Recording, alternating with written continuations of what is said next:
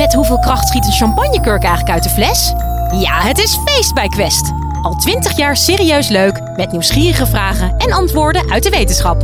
Zo maken we Nederland elke dag een stukje slimmer. Nu in de winkel en op quest.nl. Hey, Sophie hier van de Universiteit van Nederland. Het is zomer en de tuinen staan weer vol met bloemetjes. Rozen, lavendel, groene struiken en, jawel, onkruid. Waarom vinden we de ene plant mooi, maar trekken we een brandnetel het liefste uit de grond? Voordat jij aan de slag gaat in de tuin, of juist als je een excuus zoekt om die tuin niet te doen, luister dan deze aflevering. Dan vertelt bioloog Nienke Beets van Universiteit Leiden je waarom je dat onkruid beter kan laten staan. Een onkruid is een plant die ergens groeit waar wij dat niet willen. Elke plant kan dus een onkruid zijn, maar dat betekent dat elke plant ook geen onkruid kan zijn. Je zou kunnen zeggen dat een appelboom op een voetbalveld een onkruid is, bijvoorbeeld. Terwijl een appelboom in een boomgaard gewoon hartstikke gewenst is. Daarom noem ik die planten liever geen onkruid, maar stoepplantjes. Stoepplantjes, of eigenlijk dus alle wilde planten in de stad, vinden de meeste mensen misschien niet mooi of zelfs lelijk. En dat komt waarschijnlijk omdat ze vaak geen hele grote mooie bloemen hebben. Maar eigenlijk, als je wat beter kijkt en wat dichter bij de plant gaat kijken, zie je vaak dat ze wel bloemen hebben. Vaak halen mensen onkruid ook weg voordat het gaat bloeien, voordat je kan zien dat er misschien wel een hele mooie felroze bloem uitkomt, zoals bij de prikneus. De wilde planten die vanzelf in je tuin gaan groeien, die zouden best eens heel mooi kunnen zijn als je ze een kans geeft.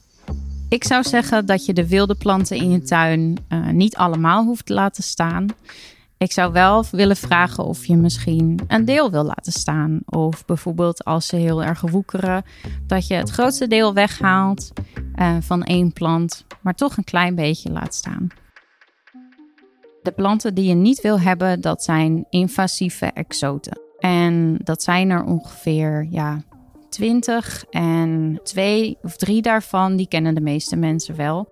Dat zijn reuzenberenklauw, Japanse duizendknoop en Amerikaanse vogelkers. Dat zijn planten die schade doen aan onze ecologie, dus onze ecosystemen en onze economie.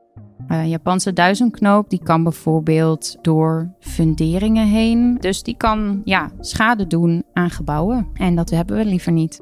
Zulke planten moet je zeker weghalen. Um, er is vaak wel een soort van handleiding voor, zodat ze, ja, om de kans zo klein mogelijk te maken dat ze terugkomen. Kijk dus wel eventjes op het internet hoe je dat het beste aan kan pakken. Stoepplantjes, of eigenlijk dus alle wilde planten in de stad, die kunnen de stad helpen verkoelen. Het wordt steeds warmer door klimaatverandering. En vooral de steden en de dorpen waar het heel veel steen is, die worden heel erg warm. Dus door juist planten in onze steden te omarmen, kunnen we zorgen dat onze steden en dorpen misschien iets koeler zijn. De wortels van de planten in de stad zorgen ook dat regen sneller wegloopt en we hebben steeds vaker harde regenbuien. En zorgen ook voor schone lucht omdat ze fijnstof opvangen. Daarnaast, groen in de stad is ook gewoon goed voor ons omdat we daar fysiek baat bij hebben. Als we een fijne groene omgeving leven, dan gaan we vaker naar buiten. En groen en veel planten zijn ook ontspannend voor je brein. En daarnaast heb je natuurlijk nog de natuur, waar het goed voor is. Brandnetels vinden de meeste mensen niet zo leuk, maar ze zijn eigenlijk heel erg goed voor onze biodiversiteit, omdat er ontzettend veel insecten op leven en van leven. Onder andere de rupsen van het dagbouwoogje. En dat is een vlinder die zijn eitjes legt op de brandnetel. En als die eitjes uitkomen, dan eten de rupsen zich vol met brandnetel. Daarna worden ze prachtige dagbouwogen. Die zijn cultureel voor ons belangrijk. Ik vind het een van de mooiste vlinders die we hebben in Nederland. Uh, natuurlijk ook omdat ze heel veel planten bestuiven. En ja, ze worden ook weer gegeten door bijvoorbeeld vogels. Mensen vinden een super strak grasveld ook heel mooi. Maar omdat we juist alleen maar gras daar willen hebben en geen andere planten, gaat dat mis. Terwijl als we andere planten ook in dat grasveld laten groeien, bijvoorbeeld klaver, dan helpen die ook om dat gras groen en gezond te houden. Klaver heeft namelijk wortelknolletjes en daar leven weer bacteriën in. Die zetten stikstof uit de lucht vast en zorgen dat het beschikbaar wordt voor die klaver. Maar die geeft het ook weer door via andere bacterie- en schimmelnetwerken aan de rest van de planten om zich heen. Dus zo helpt eigenlijk de klaver je grasveld bemesten. En want stikstof wordt omgezet in ammoniak. En ammoniak is eigenlijk het hoofdbestanddeel van kunstmest. Of gewoon ja, mest in het algemeen. Dus klaver moet je niet weghalen, want hij bemest je grasveld. Een ander voorbeeld is de paardenbloem.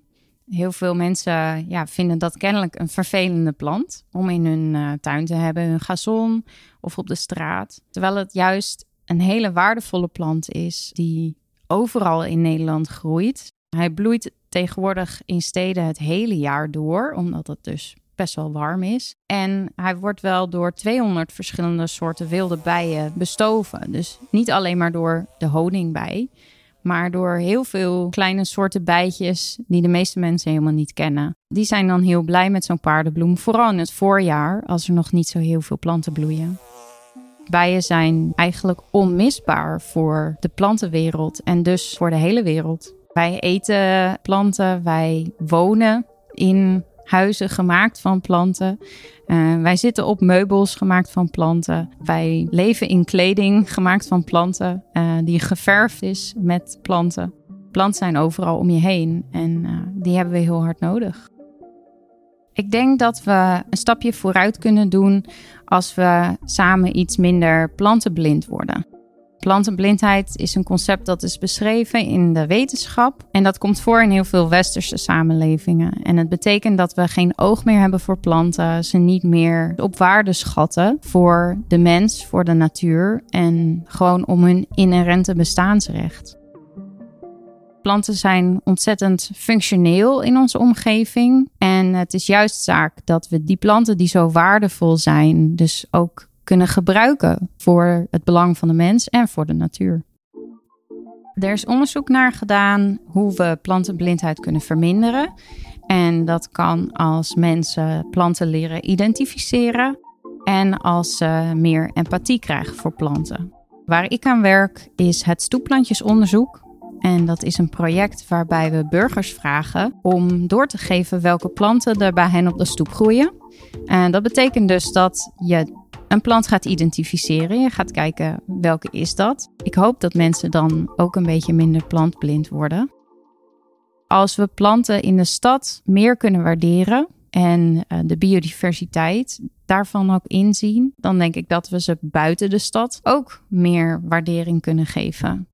Er leven wel meer dan 1350 verschillende soorten wilde planten in de stad. En dat is meer dan twee derde van onze wilde plantensoorten in heel Nederland. En ja, dat je dus twee derde van die planten om de hoek zou kunnen vinden. Een beetje zoals het liedje van Pocahontas in de film uh, Om de hoek van de stroom. Je weet niet wat je daar gaat vinden. Het kan elke keer weer wat nieuws zijn. En dat verschilt ook weer per seizoen. Het is nooit hetzelfde rivieren zo wondermooi. Je stapt nooit in dezelfde rivier. Dankjewel, Nienke. En uh, eeuw, ik blijf lekker podcast luisteren in mijn tuintje en laat dat onkruid gewoon zijn gang gaan. Hey, en uh, heb jij nou ook wat tijd over? Check dan vooral een van onze andere afleveringen. Het zijn er meer dan 500. En als je dan toch bezig bent, vergeet je niet te abonneren. Vinden we leuk. Dankjewel en tot de volgende.